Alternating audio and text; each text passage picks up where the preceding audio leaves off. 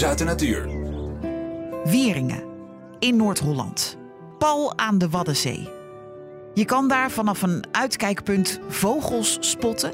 Maar nu, vogels spotten gaan we nog wel doen hoor, maar, maar nu plantjes spotten, zo zou je het kunnen noemen. Distels om precies te zijn. En eentje in het bijzonder. Boswachter Mico Volkertsma gaat het onthullen in Groot Nieuws uit de Natuur over de tengere distel. Ja, we staan eh, op Wieringen, want het is een eiland, hè, dus dan, eh, dan zeggen we op Wieringen. En we staan eh, op de Wierdijk. En dat is, eh, nou ja, we hebben eerder wel eens gelopen langs, langs de Waddenzeeën, ja, op de dijk daar. En dit is de andere kant van Wieringen, een, een hele oude dijk, een Wierdijk die voorheen het eiland moest beschermen tegen de zee. Maar ja, die zee, die, ja, niet meer hier. Ik wou zeggen, die is niet meer. Dat is niet helemaal zo. Ja. Nee, klopt. Hierachter is de Wieringenmeerpolder. Hè? Dus dat is eigenlijk gewoon helemaal ingepolderd. Dus op dit moment is er geen zee meer om tegen te beschermen. Hier langs de dijk loopt het Wieringenrandkanaal nog wel. Dus er zit nog wel wat water tussen. Maar die zee hoeft, hoeft hij eh, niet meer weg te houden, de dijk. En, en toen zat hij daar, die uil. Ja, ja de- dat was eh, vorig voorjaar. Dat was eh, een mooi momentje. Er was een randzuil. Die eh, zat daar met een prooi in zijn poten. Zat hij me mooi aan te kijken dat ik hier wandelde. Dus dat eh, zijn de cadeautjes die je wel eens krijgt als Ja, en gewoon overdag, hè? Even. Ja, ja, heel bijzonder, bizar. Ik eh, heb met een collega er ook over gehad. Die zei ook, ja, normaal gesproken zie je ze niet overdag. Maar deze die zat eh, heerlijk met zijn molletje, zat hij daar op de paal. Dus eh, ja, We zijn hier omdat er een bijzondere distel groeit hier. En zo bijzonder dat hij op geen enkele andere plek in Nederland groeit. Dat wil zeggen, daarover zo meteen meer. Maar het gaat om welke distel gaat het? ja het gaat om de tengere distel. En ik denk dat de meeste mensen denken, ja, distel, dat zijn eigenlijk gewoon rotplanten, stekels. Maar eigenlijk zijn distels wel een van de meest waardevolle planten die je kan vinden in de nat- natuur. Als je kijkt hoeveel dieren daar profijt van hebben. eh, vooral insecten. Maar ja, als er insecten op zitten, dan hebben vogels daar ook weer voedsel aan. Hè? En ook in de winter zitten er zaden in waar de vogels ook weer voedsel aan hebben. Dus eigenlijk is het een. ehm, je kan het een beetje vergelijken met de vlinderstruik in je tuin. Als je die hebt staan, dan zie je al vlinders, bijen, van alles en nog wat komt erop af. Nou, als jij hier gaat zitten en je gaat bij die distels kijken, het zij de tengere distel, het zij een andere soort distel. Ja, dat, daar is echt zoveel leven bij in de buurt altijd. Als je daarop gaat letten, dan zie je wel wat voor waarde eraan zit. Ik, ik probeer me nu voor te stellen, eh, want dat is dan hier op dit gras? Of Boven op de langs de- Oké. Boven op de dijk. En heel grappig, we zien heel ja, op dit moment groeien ze nog niet. Dan moet je echt in juni hier zijn.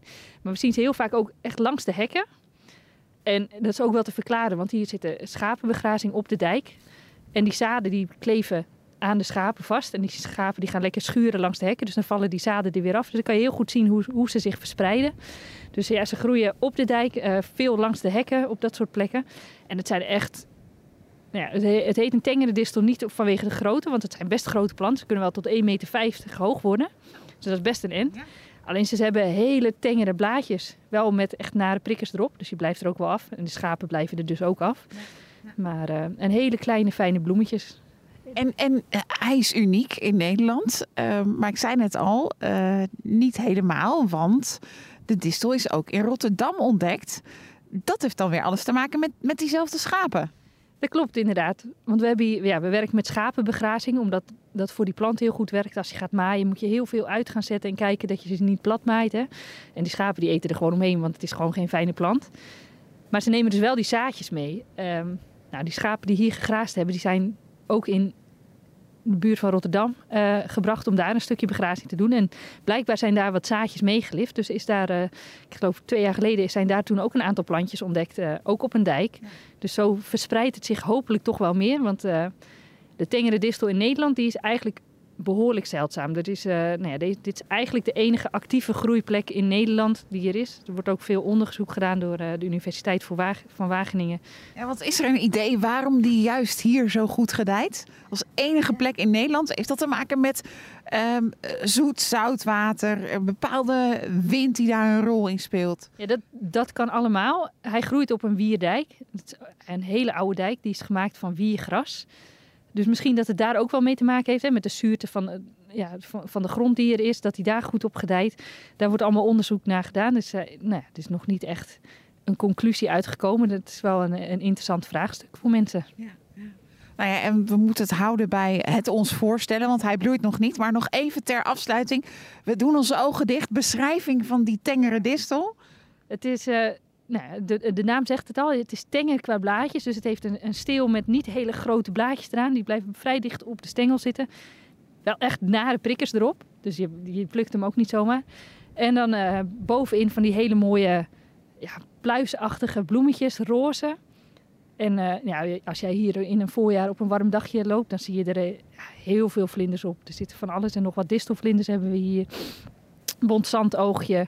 Uh, nee, je ziet er hommels, je ziet er bijen.